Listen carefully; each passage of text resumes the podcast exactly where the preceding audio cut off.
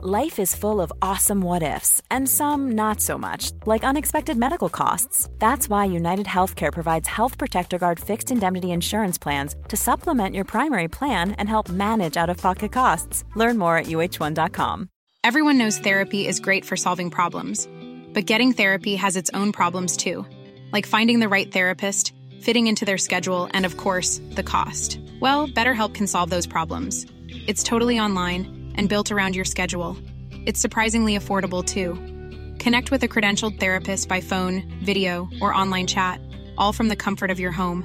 Visit betterhelp.com to learn more and save 10% on your first month. That's BetterHelp H E L P.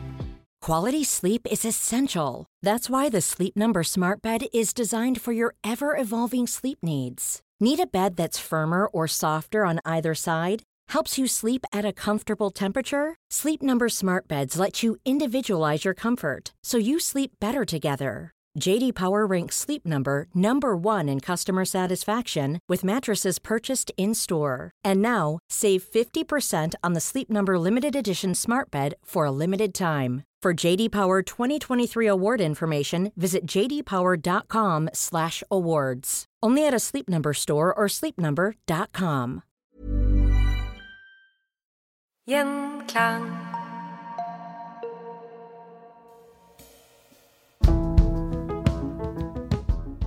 desember 1991 ble det røde flagget med hammer og sigd firt ned ved Kremlin for siste gang. Gorbatsjov hadde gått av tidligere samme dag, og ble erstattet av Boris Jeltsin. Dagen etter var Sovjetunionen oppløst. Men hvilken effekt hadde dette på Kremlins allierte, som var helt avhengig av den store røde bjørn? Velkommen til historier som endret verden. Med oss for å snakke om Cuba etter Sovjetunionens fall, har vi Even Sandvik Underlid. Velkommen tilbake, Even. Takk for det. Du sa i forrige episode at Fidel Castro sa at man ikke skulle være overrasket hvis Sovjetunionen sluttet å eksistere i morgen. Men allikevel ble Cuba sjokkert. Hva skjedde her? Ja, altså de har sett siden eh, De har nok sett en stund, iallfall Fidel Castro så at eh, det kunne bli en alvorlig krise i Sovjetunionen og sånn. Eh, men eh, for det første så trodde de nok ikke at det skulle komme fullt så brått og, være et så totalt sammenbrudd. Eh, og for det andre så var det kanskje ikke så veldig mye de, de kunne ha gjort noen ting annerledes, men de hadde 80, altså 85% av Cubas utenlandshandel var med østblokklandene, inkludert Sovjetunionen, hvor Sovjetunionen da sto for 75 eh, Så Sovjets fall rammet Cuba helt ekstremt, og det eh, ble det nok gjort uansett. De var jo også eh, hadde begrensninger på handel med, med vestlige land, og, og, særlig med USA da, pga. Eh, sanksjonene. Hadde det vært litt samme som at hvis Norge måtte slutte med å selge olje på dagen? Eh, kanskje noe sånt. Eh, og dette er jo et uh, utviklingsland. Sant? Sårbart i utgangspunktet. De eksporterte i stor grad sukker. Det ble videreført under sovjetperioden også. De fikk overpris for sukker, da, basically en slags subsidier fra Sovjet. Eh, så, og, og, på verdensmarkedet er ikke dette sukkeret så veldig mye verdt lenger. Så den produksjonen den synker jo raskt, og, og, de må prøve å finne andre ting da etter dette. Men Eh, det som skjer umiddelbart, er jo at eh, for det første at veldig mange tror at eh, Cuba også vil, vil eller systemet der vil kollapse. Det er en kjent bok av en journalist, Andres Oppenheimer, som heter 'Castros siste time'. Den varte i en del år. Veldig lang time. For øvrig en interessant bok, men han, han bommer på det, da. Og så får du eh, som er det vi, det vi, skal snakke om i dag, en, en voldsom krise som heter eh, spesialperioden, eller eh, det lange navnet. De har alltid et langt navn på ting. Eh, den spesielle periode i eh, fredstid. For de hadde opprinnelig en plan for en, en, sånn, en kriseplan for, for, en krigssituasjon, da, men, men så ble det istedenfor en, en krise i, i fredstid. Så en går fra en, en relativ stabilitet på 80-tallet, eh, som jeg sa i siste episode, tror jeg eh, mm. en del eldre folk støtter systemet, i hvert fall de kaller dette for sosialismens gullalder og sånn. Eh, hvor en kunne leve greit for lønningen sin, og ting noenlunde fungerte. Eh, til en situasjon hvor det kan være 16 timer lange strømbrudd, hvor eh, det ikke er biler på gatene fordi en ikke får oljen i landet. Eh, og Cuba uh, er et kokvarmt land om, om sommeren, så, så, det er liksom den, den bok på Cuba som heter uh, i, i 90-tallets ovn. Uh, det er på en måte det mange minnes at det var kokvarmt. Det var ikke ingen vifte, men, men det var, var, veldig alvorlig. altså Det var lite medisiner, lite mat. Gjennomsnittlig kaloriinntak går ned med omtrent en tredjedel. Til litt over 2000 per innbygger, tror jeg. Eh, det går an å leve på, forstår jeg, men, men, det er jo et gjennomsnitt. Så det er jo noen som ligger under dette. Mm. Uh, og folk mister eh, åtte uh, kilo vekt i snitt. Det livsstilssykdommer går uh, ned, har folk kommunisert i ettertid. Men for folk flest så minner de jo dette som, de jo dette som et enormt traume. Mm. Man tenker det å gå fra stabilitet til, til en, en, voldsom usikkerhet, og du vet ikke hva som kommer neste dag. Eh, det var også en periode med en del eh, terrorangrep fra ekstreme miljøer i, i eller ekstreme fløyer i eksilmiljøet i Miami, da, som ville fremskynde Fidel Castros fall.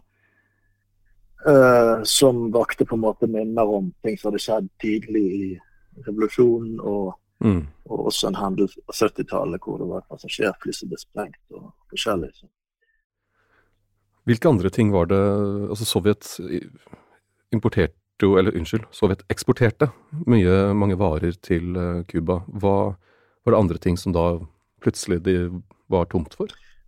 Ja, altså Før revolusjonen så var en avhengig teknologisk og på alle måter av USA, og, og dette ble jo på en måte erstatta med en avhengighet til Sovjetunionen. da, Selv om forholdet ikke var eh, identisk. Så alle traktorer og de fleste biler, busser, eh, til og med hermetikk, eh, kjøtt på, på hermetikk og, og, og, vin og te og jeg vet ikke hva. Eh, veldig mye kommer fra eh, østblokken der iallfall. Eh, og, og fabrikkene som drives med, med, deler derfra, med kompetanse derfra i noen tilfeller. Så en får en kollaps der på en måte eh, du kan fortsatt gå på jobb hvis du har en jobb, eh, men det er ikke nødvendigvis noe å gjøre der. Hvis du jobber i en avis, så er det kanskje ikke papir. Uh, hvis du jobber på en skole, så er det kanskje ikke strøm den dagen, som kan være et problem. Uh, og det en kan si basically, det er at uh, fokuset her de første årene i Japan, det er myndighetene de kjører en sånn Nå skal vi overleve, vi skal stå i kampen. altså De ser på dette som en de fremstiller det som en kampsituasjon. da, mer enn en situasjon hvor en skal diskutere systemet. De åpner først, egentlig så sier de de skal ha en debatt om hele systemet foran partikongressen i 1991 eller, eller at hvor en kan diskutere alt, men så ser de at alt går i oppløsning samtidig i Sovjet. og Da går de ut i avisen og så sier de at tre ting er ikke oppe til debatt. Dere kan komme med forslag, befolkningen får lov å komme med innspill. Der, eh, men dere kan ikke eh, altså Ettpartisystemet, Fidel Castros styre og planøkonomien det er ikke oppe til debatt. Så I praksis er det mer detaljene dere kan diskutere. Og Du ser også i den perioden, f.eks. Jeg har en eh, bok som er litt spesielt, så vi har et blikk i perioden, som ble trykt av Forsvarsdepartementet i 1992. Og, og den er med da innspill fra befolkningen eh, på kreative løsninger til på en måte overlevelse. Jeg, jeg så plutselig nok i Norge at det var en, en, en bok med et lignende konsept som heter postapokalyptiske eh, eh, håndbok. Eh, men på Cuba har du på en måte hatt eh, den apokalypsen. da. Mm. Der inne kan du se alt fra det er bilder av to Ladaer som er satt sammen til en limousin. Det er eh, hvordan du kan lage tavlekritt, hvordan du kan lage mat uten nesten å ha mat. Eh, og erstatte kjøtt med andre ting. Eh, hvordan du kan bruke gamle kasse-TV-er til å lage møbler bildet med de to Ladaene som er satt sammen til en limousin, den eh, er det bare å se på Instagram-siden vår. Det Vi legger opp et bilde av den. Men hvordan Altså, eh, folk må vel være Det må være misnøye her over, over styret, eller er det folk, tenker folk at nei, nei, dette er ikke styret sitt feil, dette er uh, Sovjet? Ja, det kan jo være vanskelig å måle nøyaktig, men eh, altså Fidel Castro var i utgangspunktet Han hadde et flertall med seg.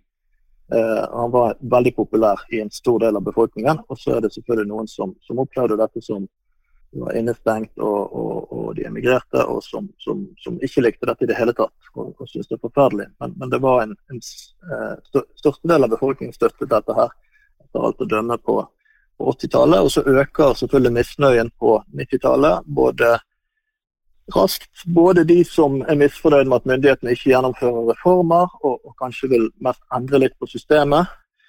Eh, men også eh, en opposisjon utenfor systemet. Både du har små opposisjonsgrupper som på Cuba blir ganske hardt slått ned på, eh, og særlig i denne situasjonen. da, eh, Overvåket og trakassert osv. Og, og, og eh, Cuba sier at de da er typisk at de er finansiert fra USAs ambassade osv. Eh, det er en lang diskusjon. men eh, det du, som, som, er litt nytt, det er at du får en ganske stor gruppe av befolkningen, eh, et stort mindretall iallfall, som eh, er så sinte at eh, de, de, vil ha enten vil komme seg ut igjen. Du får en ny migrasjonsbølge etter hvert. Men, men, også folk som tar på gatene i 94, da, som er det mest kritiske året.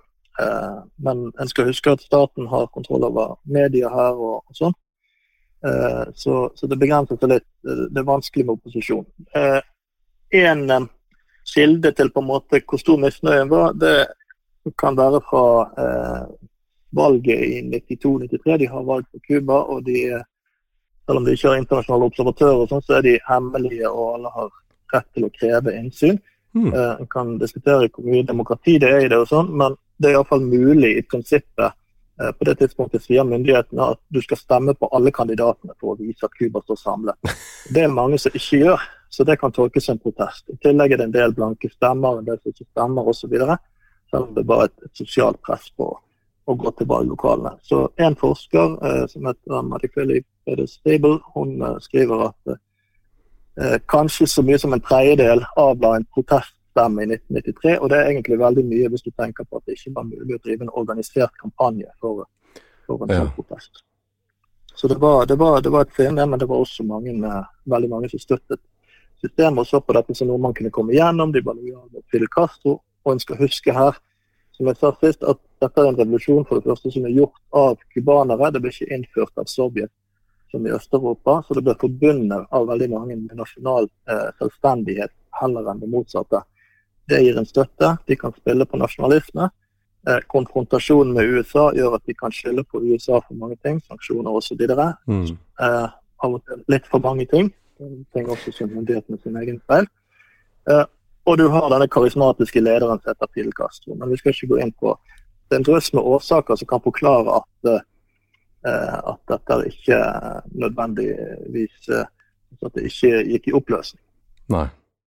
Det hjelper jo med å ha en ytre fiende man kan, man kan skylde på. Det er en faktor. Men Kina og Vietnam hadde jo begynt med markedsreformer, mens Cuba tviholder på systemet? Ja, iallfall til 93 ca. Da kommer det noen veldig små reformer. Men de blir presentert da som mindre innrømmelser. Altså, Fidel Castro hadde jo markert avstand fra altså, midlertidige innrømmelser. på en måte. Det, det, man ser på det som fremmedelementer i systemet, og dette her er noe man gjør fordi man, det er nødvendig. Det er ikke det at du skal ha en ny type sosialisme eller noen nye revolusjoner og sånt. Eh, så de er veldig tilbake tilbakeholdne. Og, og Fidel Castro er jo, eh, han var markert i at han var restriktiv her på 80-tallet, hvor han markerer avstand fra Gorbatsjov. Eh, han så jo på hans reformer som noe som kunne føre til at det sovjetiske systemet kollapset, og det fikk han for så vidt rett i. Mm. Samtidig som du kan si at Kina og Vietnam er jo eksempler på, i hvert fall på det økonomiske planet, så gjennomførte en jo endringer der. Og det var jo folk på Cuba som, som også ønsket eh, lignende ting. Vi vet ikke hvor mange, fordi at eh, de stengte jo den debatten i 1991. Eh, men, eh, eh, men det var jo det. Så da eh, får du en situasjon da hvor alt handler på en måte om, om overlevelse. altså Staten har intervjuet en tidligere minister som, som, som også er sosiolog. Han sammenlignet Cubas diplomatiske innsats gjennom de årene med Spiderman. Han sier at Cuba kastet ut på en måte pentakler i alle retninger for å se hvilke land som var villige til å handle med Cuba. Mm. Og nesten hva som helst. Og en, innføre disse her begrensede reformene som går på den første og mest sånn symbolsk viktige, som skapte veldig mye misnøye, det er at de legaliserer dollar i 1993. Mm. altså fiendens valuta. Tidligere kunne du bli arrestert for å gå med dollar, så det er et stort skifte. Eh, og du får et skille da Eh, man har visse butikker. som Tidligere hadde det vært butikker bare for diplomater og, og og ikke kom fra utlandet og sånn. Men nå kunne de cubanerne som fikk dollar fra slektninger i utlandet, eller fordi de jobbet i turismen, som, som nå begynner å blomstre opp, eller, eller, har ulovlige inntekter, eller hva det måtte være, de kan gå i disse butikkene og kjøpe litt finere og litt importerte varer, og der er ikke det fullt så eh, tomt som ellers. da. Eh, og det er jo på en måte et brudd på eh, sosialismen, ja, eller det systemets prinsipper. Eh, den sosiale kontrakten. Eh, du kan bli De åpner litt for investeringer. Utenlandske selskaper veldig, veldig begrenset. særlig i turisme, men også noen andre næringer. Eh, utvinning av eh, nikkel, som de har mye av, som brukes i rustfritt stål. Eh, men der er det på en måte sånn at en prøver å kontrollere det. Det er hovedsakelig såkalte joint ventures, hvor staten er majoritetseier, og så har du et annet utenlandsk selskap som kan være inne i en periode og ta en del av fortjenesten. Men du får en Rett og slett, altså Du kan si selv om systemet er det samme, så endrer jo kulturen seg samfunnet endrer seg på en måte. Du får en, en ny moral i, i mye av samfunnet.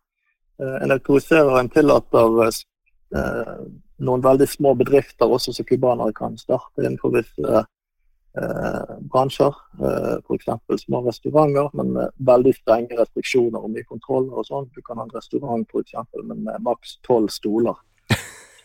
Eh, og, så de ble kalt for kortbokste, da, disse her. Eh, for det vokse. Og Senere begynner han å stramme inn på det igjen når den verste av krisene er over på, på 2000-tallet. Så kan han åpne opp igjen.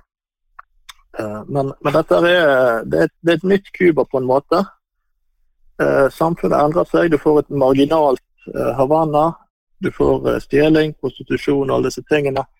Eh, folk som lever av å gå etter turistene og selge stjålne sigarer.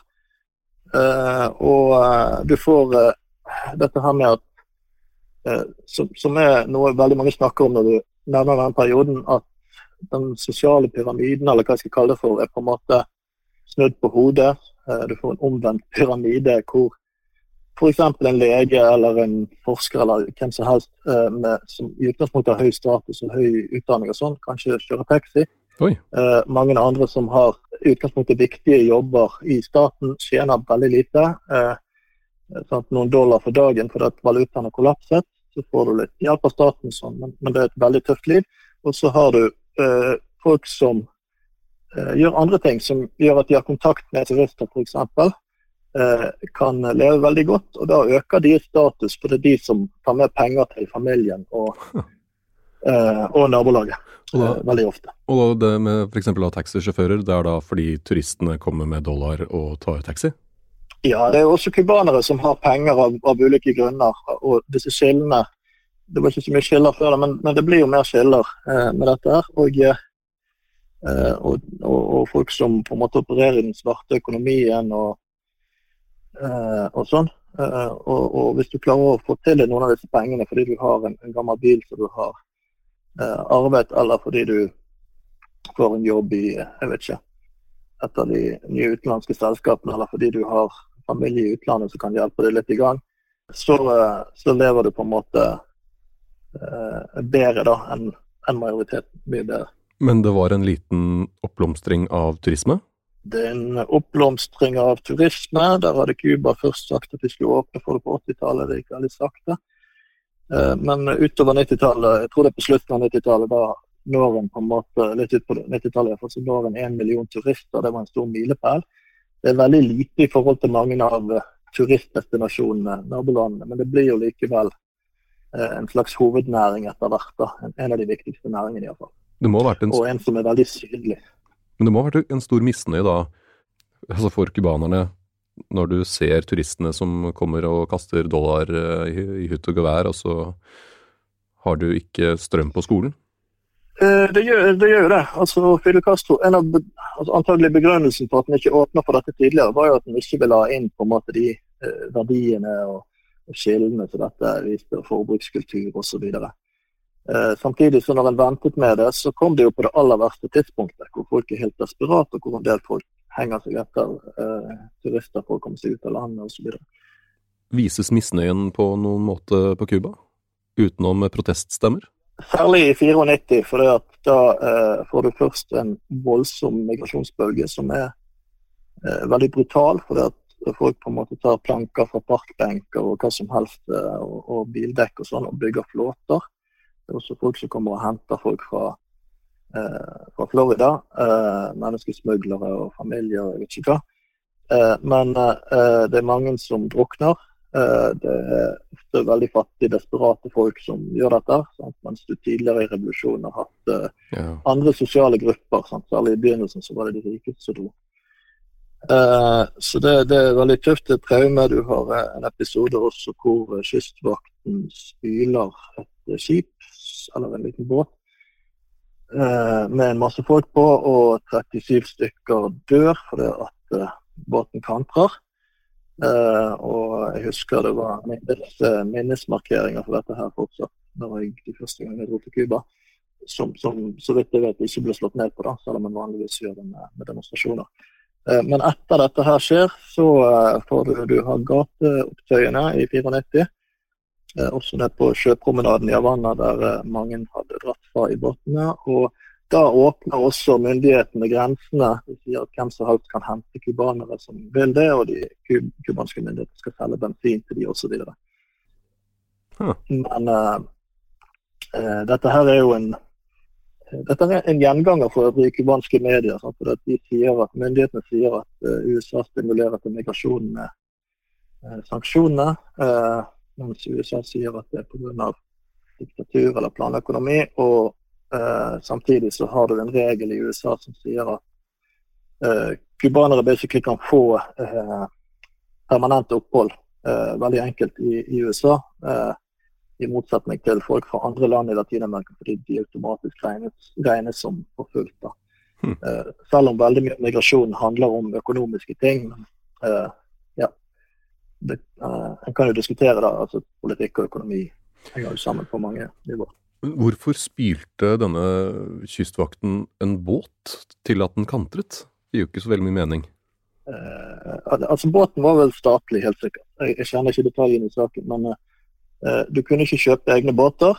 Uh, så da ble jo alternativet hvis en ville komme seg over sjøen på den måten, og, og ta en båt. Så det ble jo ansett wow. som en kapring eller et tyveri. Hm. Og, og, alt var på en måte, nesten alt var i statlige hender. Du nevnte tidligere denne Spiderman-analogien. Altså fikk, fikk Cuba andre handelspartnere etter hvert? Ja, altså det verste går på en måte over altså Mot slutten av 90-tallet så er det aller mest ekstreme eh, av krisen over, på en måte. Eh, og eh, på 2000-tallet, særlig fra 2001, da får man en forbindelse med Venezuela, som har fått en president som Hugo Chávez, mm. som var en eh, nær uh, alliert og venn av uh, Fidel Castro. Og etter hvert så blir det en venstrebølge i hele Latin-Amerika. Det er en faktor som, eh, som, som, hjelper. relasjonene til Kina bygges også opp fra 90-tallet. Fidel Castro hadde vært i konflikt med Kina på 70-tallet Eh, og gått ganske hardt ut mot de. Eh, men de donerte en million eh, sykler bl.a. på begynnelsen av 90-tallet, og etter hvert så kommer de inn. Mm. Kanadiske interesser kommer inn og utvinner Mikkel, som sagt. Der får staten en del av fortjenesten. Du har noen nye sånne næringer.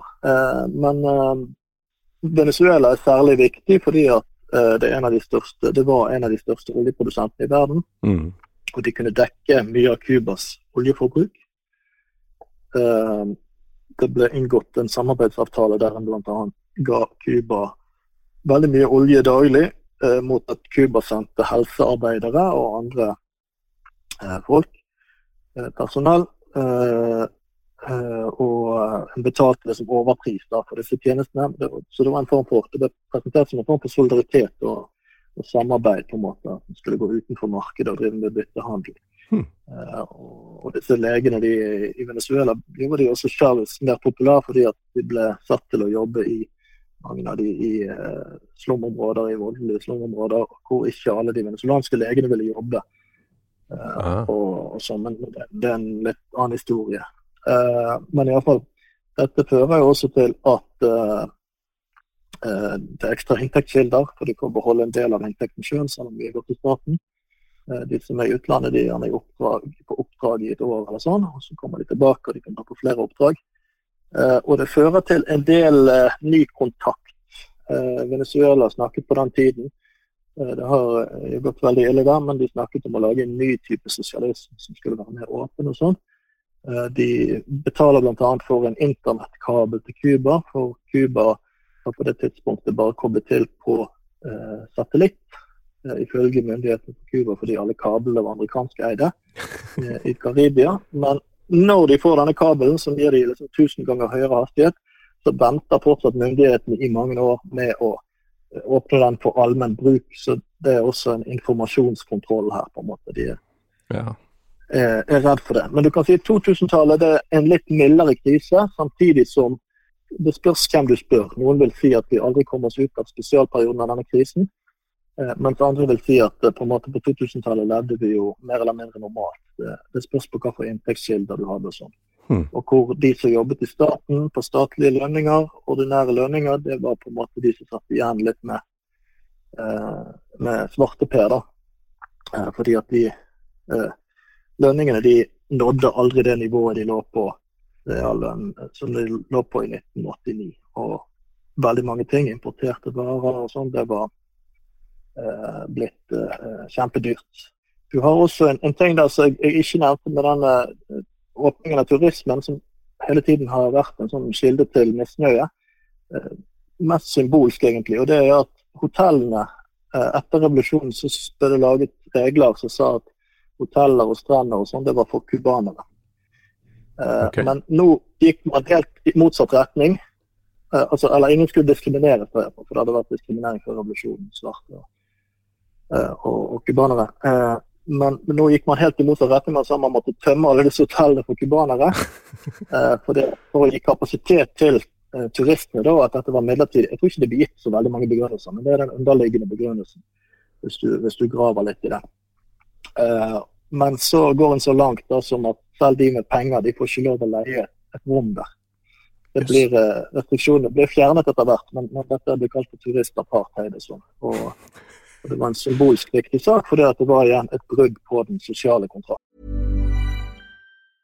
A lot can happen in the next three years. Like a chatbot may be your new best friend. But what won't change? Needing health insurance. United Healthcare Tri Term Medical Plans are available for these changing times Underwritten by Golden Rule Insurance Company, they offer budget-friendly, flexible coverage for people who are in between jobs or missed open enrollment. The plans last nearly three years in some states, with access to a nationwide network of doctors and hospitals. So for whatever tomorrow brings, United Healthcare Tri-Term Medical Plans may be for you. Learn more at uh1.com. Everyone knows therapy is great for solving problems, but getting therapy has its own problems too, like finding the right therapist, fitting into their schedule, and of course, the cost. Well, BetterHelp can solve those problems. It's totally online and built around your schedule. It's surprisingly affordable, too. Connect with a credentialed therapist by phone, video, or online chat, all from the comfort of your home. Visit betterhelp.com to learn more and save 10% on your first month. That's BetterHelp H E L P. Quality sleep is essential. That's why the Sleep Number Smart Bed is designed for your ever evolving sleep needs. Need a bed that's firmer or softer on either side? Helps you sleep at a comfortable temperature? Sleep Number Smart Beds let you individualize your comfort so you sleep better together. JD Power ranks Sleep Number number 1 in customer satisfaction with mattresses purchased in-store. And now, save 50% on the Sleep Number limited edition Smart Bed for a limited time. For JD Power 2023 award information, visit jdpower.com/awards. Only at a Sleep Number store or sleepnumber.com.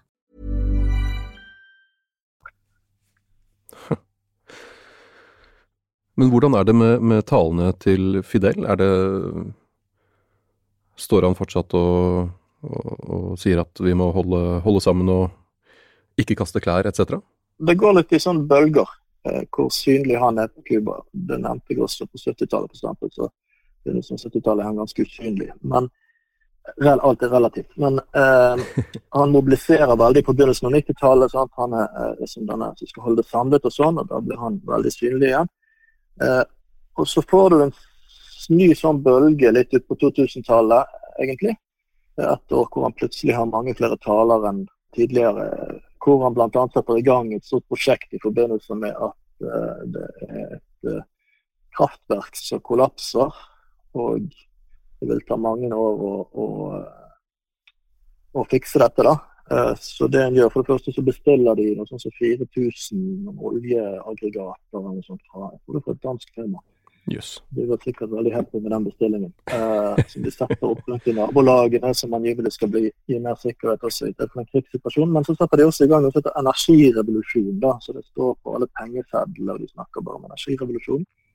Okay. Hvor eh, han sier at alle apparatene som folk har eh, hjemme, eh, på en måte kjøleskap og, og TV-er og sånn, at dette bør byttes ut, for det er gamle apparater vi gjør det, og de trekker altfor mye strøm. Ah, Og så eh, eh, mer eller mindre utkommanderes da en eh, 20 000-30 000 sosialarbeiderstudenter til eh, at de får et halvt år fri, og de får lønn. Eh, en liten lønn. eh, og de skal gå rundt fra dør til dør og kartlegge disse tingene. De står og knuser lyspærer og forskjellige ting. Eh, og deler ut sparepærer og nye kinesiske artikler. Noe av det må de betale for, og noe av det var av dårlig kvalitet. Så noen var bitre på at de byttet ut de gamle amerikanske kjøleskapene som stått i 50 år, eller russiske, som også holdt veldig lenge. da. mm. Eh, men, men de klarte å løse strømproblemene. Og, og dette er litt sånn eh, Fidel Castro er Denne her er på en måte mm, Disse store prosjektene. eh, Det ser en veldig også i denne perioden. F.eks. hvis du går i Playa, som en finere bydel, eller delvis finere bydel i Havana, så er det veldig eh, enormt mye ambassader. Nesten alle land vil liksom være representert av mange flere enn de fleste andre land i Latin-Amerika tar imot. da. Eh, og, og, og fordi Cuba er et symbol. Cuba har også på dette tidspunktet de satser veldig på eh, bistand for å vise at de eh, Du har disse legene i Venezuela, det får de betalt for, men de har i en drøss med andre land, i 60 andre land, altså, veldig eh, store prosjekter. Eh, og, og det er en side av det. Og internt så er det jo Det er ikke det at folk har det så fett lenger, men eh, der handler det kanskje litt om frykten for hva som er alternativet. Eh, Hmm. For noen en genuin lojalitet til systemet, og at de mener at det er det beste de kan få. Eller at det kan bli bedre. Men for mange også en frykt for å ende opp på en måte som en del av nabolandene med veldig mye eh, vold i gatene og manglende velferdsordninger. For tross denne krisen så har du eh, Du har kanskje ikke så mye medisiner og mat, det begynt å bli bedre på 2000-tallet. Eh, men du har eh, helsestell og utdanning for alle, og kulturskoler og sånn. Og når folk snakker om at lønningene der er på tilsvarende 20 dollar i denne perioden, så er det sant. Det er helt miserabelt. og Du kunne ikke, altså du måtte være kreativ for å komme deg gjennom måneden. Veldig kreativ. Eh, Men, eh, men det er også sånn at en måte en del basistjenester er subsidiert da, og nesten gratis. Eh, Så, så det er ikke sånn at du sulter i hjel, selv om du kan ha det beintøft. Men de drev med bistand samtidig som de ikke hadde ressurser selv? Ja, og det skaper også litt sånn blandede følelser. På den ene siden så får folk dra til utlandet en del steder og, og kanskje se noe nytt. Og de som er heldige, de får dra til Venezuela eller en av de landene som betaler godt for dette. da, hvor Det er forskjellige avtaler med hvert land. Så Da, da er det på en måte ikke bare bistand, da er det en inntektskilde for staten. og For de okay. som, som, som drar der. Etter hvert eh, Ja, du har et uttrykk på Cuba på dette her. Eh, man, de som er kritiske da, til systemet, de sier at de har lys ute i gaten, belysning i gaten, eh, men mørke i stuen. Eh, så så at, at en burde brukt disse ressursene på hjemmebane. Så skal det sies at en dreier dette mer over til eh, at landene som mottar tjenestene, må betale for det. Eh, med unntak av de fattigste landene, som Haiti, som har eh, Norge har også vært inne og støttet eh, cubansk bistand på Haiti f.eks. Så det, det er anerkjent etter alt Ja.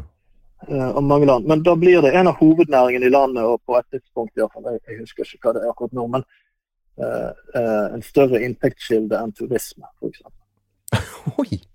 Så det er service, Cuba er en serviceøkonomi, men, men en veldig uvanlig serviceøkonomi. Ja, det Eh, høres jo sånn ut. Da eksporterer tjenester. seg. Men Fidel begynner jo å bli eldre på 2000-tallet?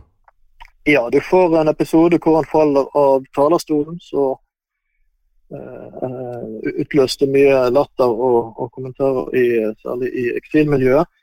Uh, men uh, han det ble spekulert i om han under den energirevolusjonen om han er helt klar i hodet, og etter hvert så blir han syk, og han trekker seg permanent i 2008. Først som president for landet, og så som partisekretær i 2011, som egentlig er det viktigste været for det kommunistpartiet der. Da, som lager mm. fortsatt de, de, lange planene. Og Hvem er det som tar over da? Og Da tar broren over, Raúl Castro.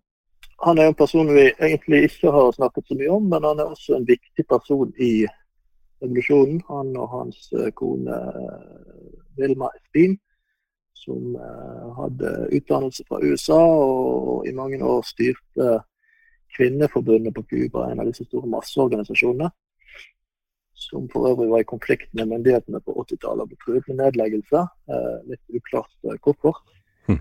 Eh, du har Hele familien hans har alltid gått rykter om at det er en konflikt mellom Raoul og Fidel sin familie. Altså, de har jo klart å samarbeide i alle disse årene, eh, men det kan godt hende det er noe i det. Eh, du har har også datteren til Raúl, som heter Mariela Castro, som er en kjent eh, LGTB-aktivist på Cuba. Hun var et senter for, uh, eller drev, jeg vet ikke om hun fortsatt er aktiv for seksualopplysning. Uh, men når det gjelder Raúl, da, som tar over, så er det på en måte han har bart og han har vært leder for Forsvaret i mange år. og sånn, Så det er en forestilling om at kanskje nå blir det en mer militaristisk dreining eller noe sånt blant mange. Det blir det egentlig ikke. Det blir går heller litt i motsatt retning. Altså, mm. I grove trekk er systemet det samme som før, uh, men han er noe mer reformvennlig. Uh, han blir derfor forbundet med det. Og han er opptatt av, han snakker mye om at ting skal styres etter lover og sånn, og ikke etter innfall. Det kan tolkes som en kritikk av uh, sin bror. Uh, han fjerner, uh, han snakker om at de skal fjerne alle sånne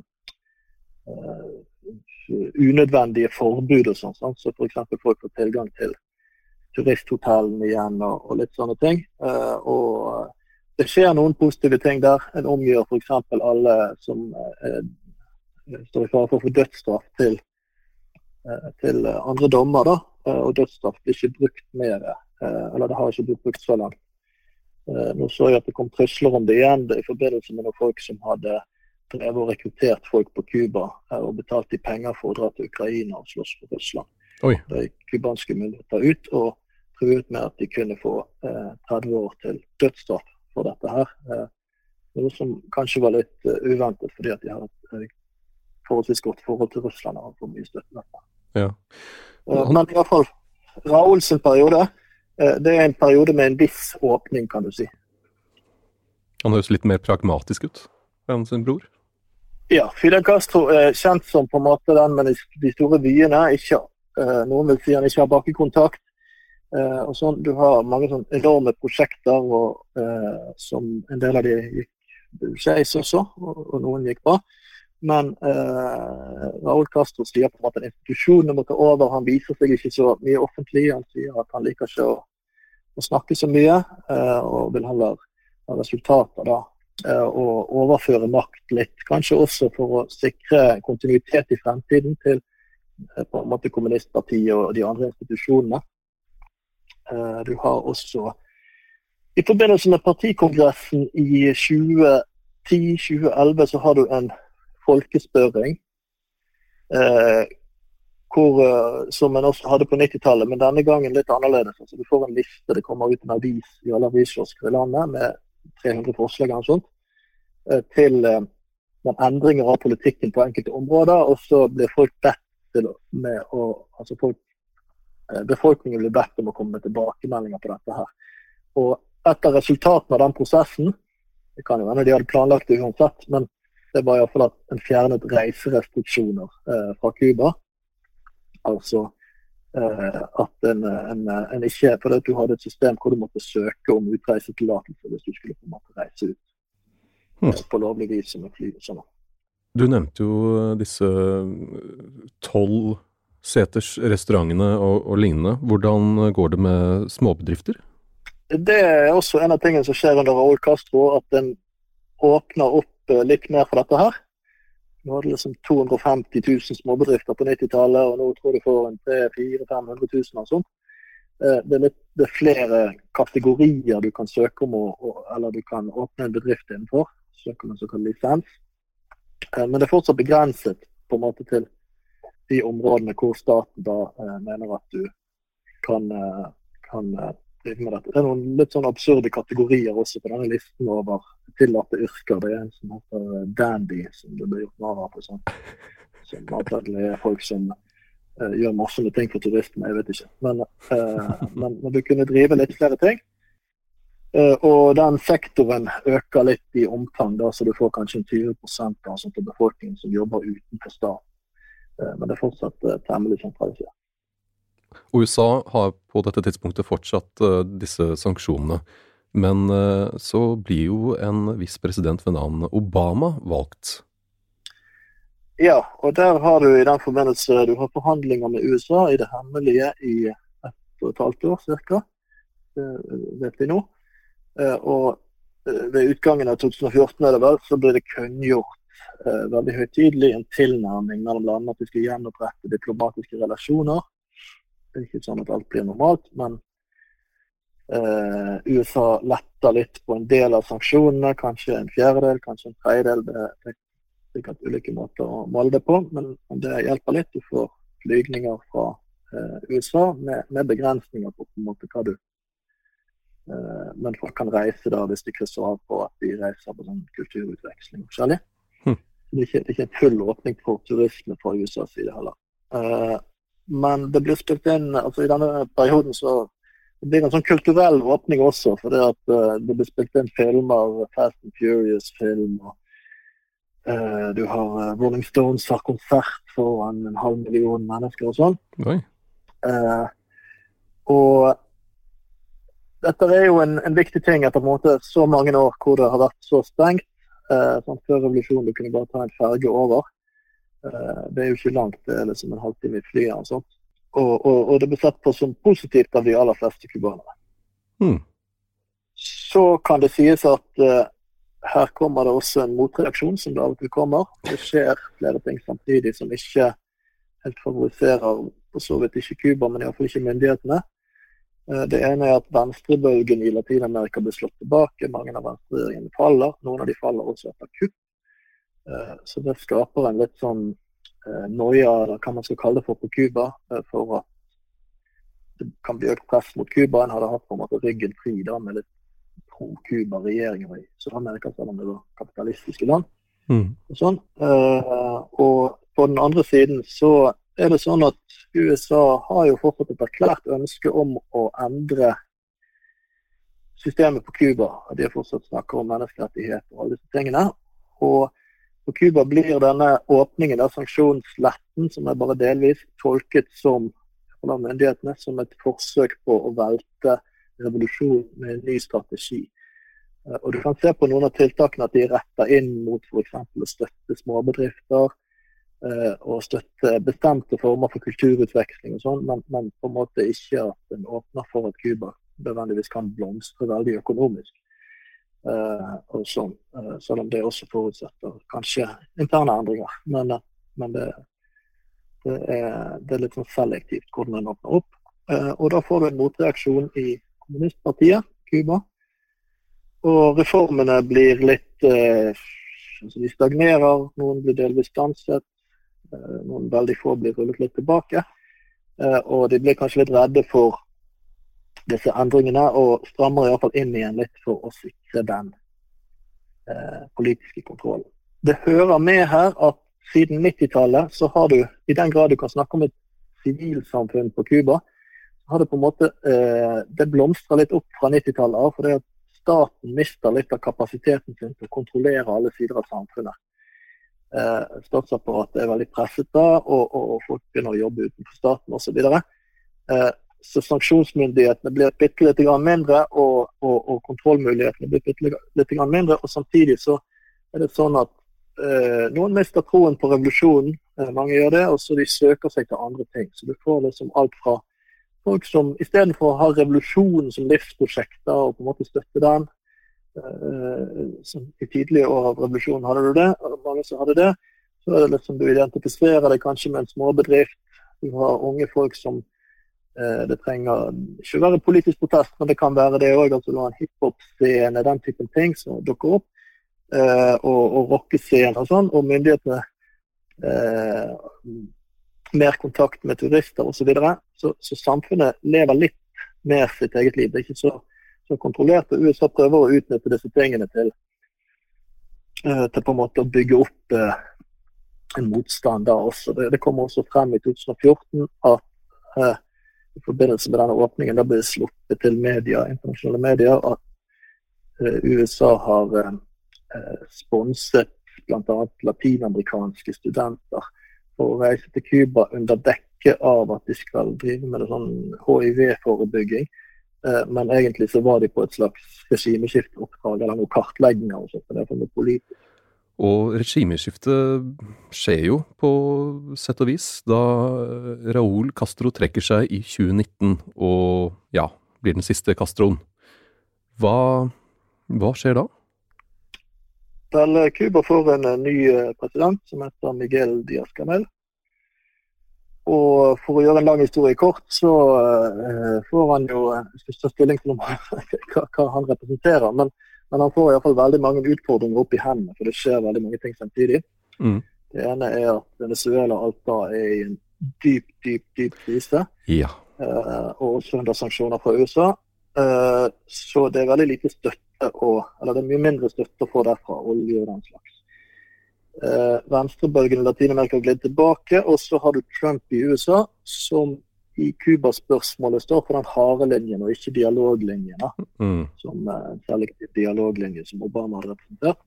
Og han innfører da uh, 244 nye sanksjoner. Altså, det er allerede sanksjoner siden 90-tallet på handel også med tredjeland. Selv om Cuba handler, så kan, prøver USA å stikke kjepper i hjulene for det. Og Det blir ofte for dyra og i noen tilfeller umuliggjort. Men nå kommer det nye sanksjoner på kontakt, eh, økonomisk kontakt mellom USA og Cuba. Eh, og, for så vidt en strengere oppfølging av, av dette med tredjeland og straffetiltak. og sånn.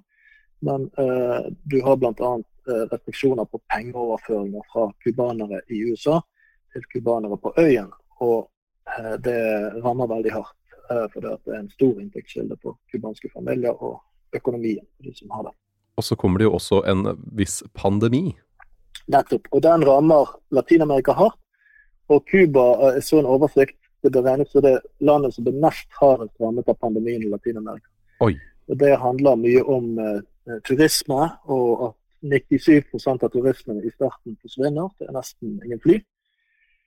Uh, og, og, turismen er liksom økonomiens lokomotiv, iallfall er det det offisiell retorikk. Uh, jeg vet ikke, Men, men det, det, fører til masse ringvirkninger i, i, hele samfunnet. Så ting begynner å bryte sammen igjen og kollapse og fungerer ikke. Uh, og du får en slags ny spesialperiode, som krisen på 90-tallet. Ikke fullt så gale hvis du bare ser på økonomi. det er ikke helt på det nivået. men på en måte er han også verre fordi at eller så det er verre i den forstand at folk har gått i 30 år med krise. Infrastrukturen er skikkelig nedslitt. Eh, eh, folk, eh, mange på en måte tror ikke på noe. Eh, særlig eh, en del unge folk. Eh, og, og sosialisme og det system og sånn, det forbindes på en måte med krise, da. Og alle de skjevhetene og alt det som oppsto på, på 90-tallet. Ja, det var jo en demonstrasjon i 2021 ja, og da renner det over for mange folk i, i 2021, sommeren. Og eh, du får demonstrasjoner omtrent som i 1994, men det som er nytt, altså med, med veldig misfornøyd med det folk, øh, og, øh, ikke nødvendigvis den tradisjonelle opposisjonen, men vanlige folk som går ut i gatene. Men det som skjer nå, det er at du får det over hele landet i veldig mange steder.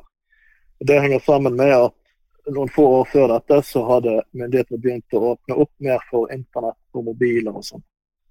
Eh, så det var lettere å organisere det.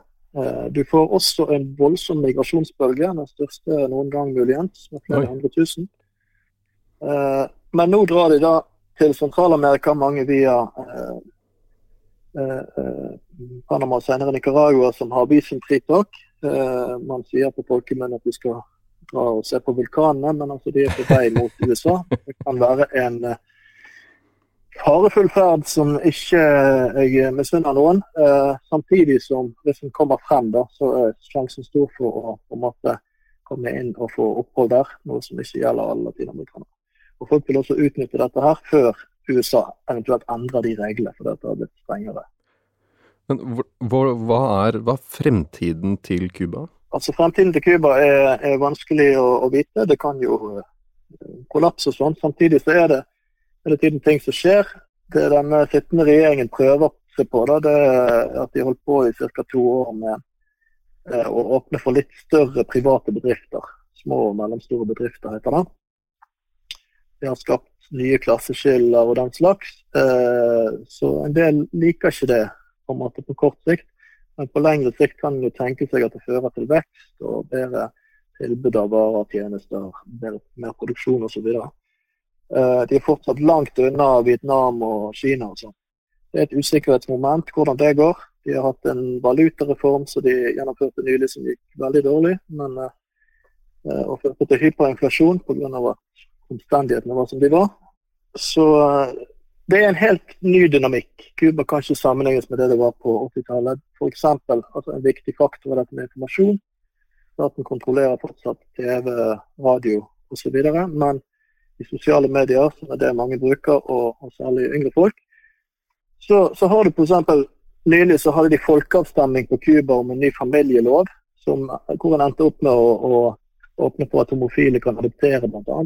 Veldig moderne i utgangspunktet. Men der var det sterke kampanjer i sosiale medier fra eh, frikirker bl.a. på Cuba, noe som ville vært utenkelig på 80-tallet. At du kunne ha før en plakat mot abort i en kirke og ting, men du hadde ikke den aktive rollen i samfunnet. Det, eh, det var ikke mulig da. Eh, så, så det, det, er en helt ny dynamikk.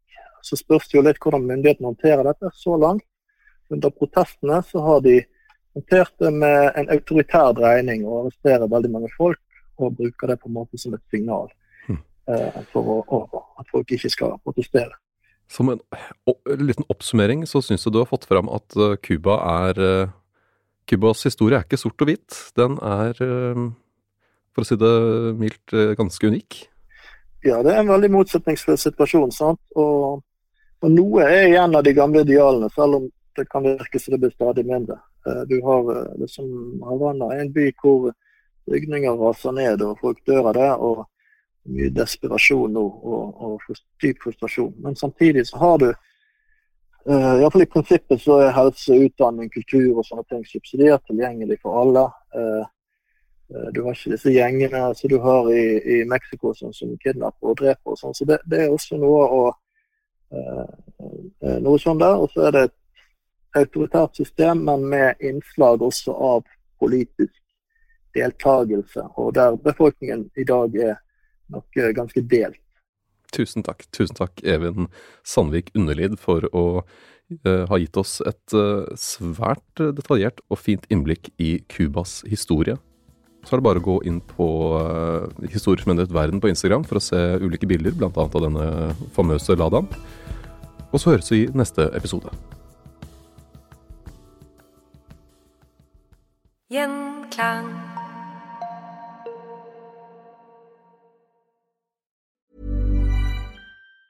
Mom deserves the best, and there's no better place to shop for Mother's Day than Whole Foods Market. They're your destination for unbeatable savings, from premium gifts to show-stopping flowers and irresistible desserts. Start by saving 33% with Prime on all body care and candles. Then get a 15-stem bunch of tulips for just $9.99 each with Prime. Round out Mom's menu with festive rosé, irresistible berry chantilly cake, and more special treats. Come celebrate Mother's Day at Whole Foods Market.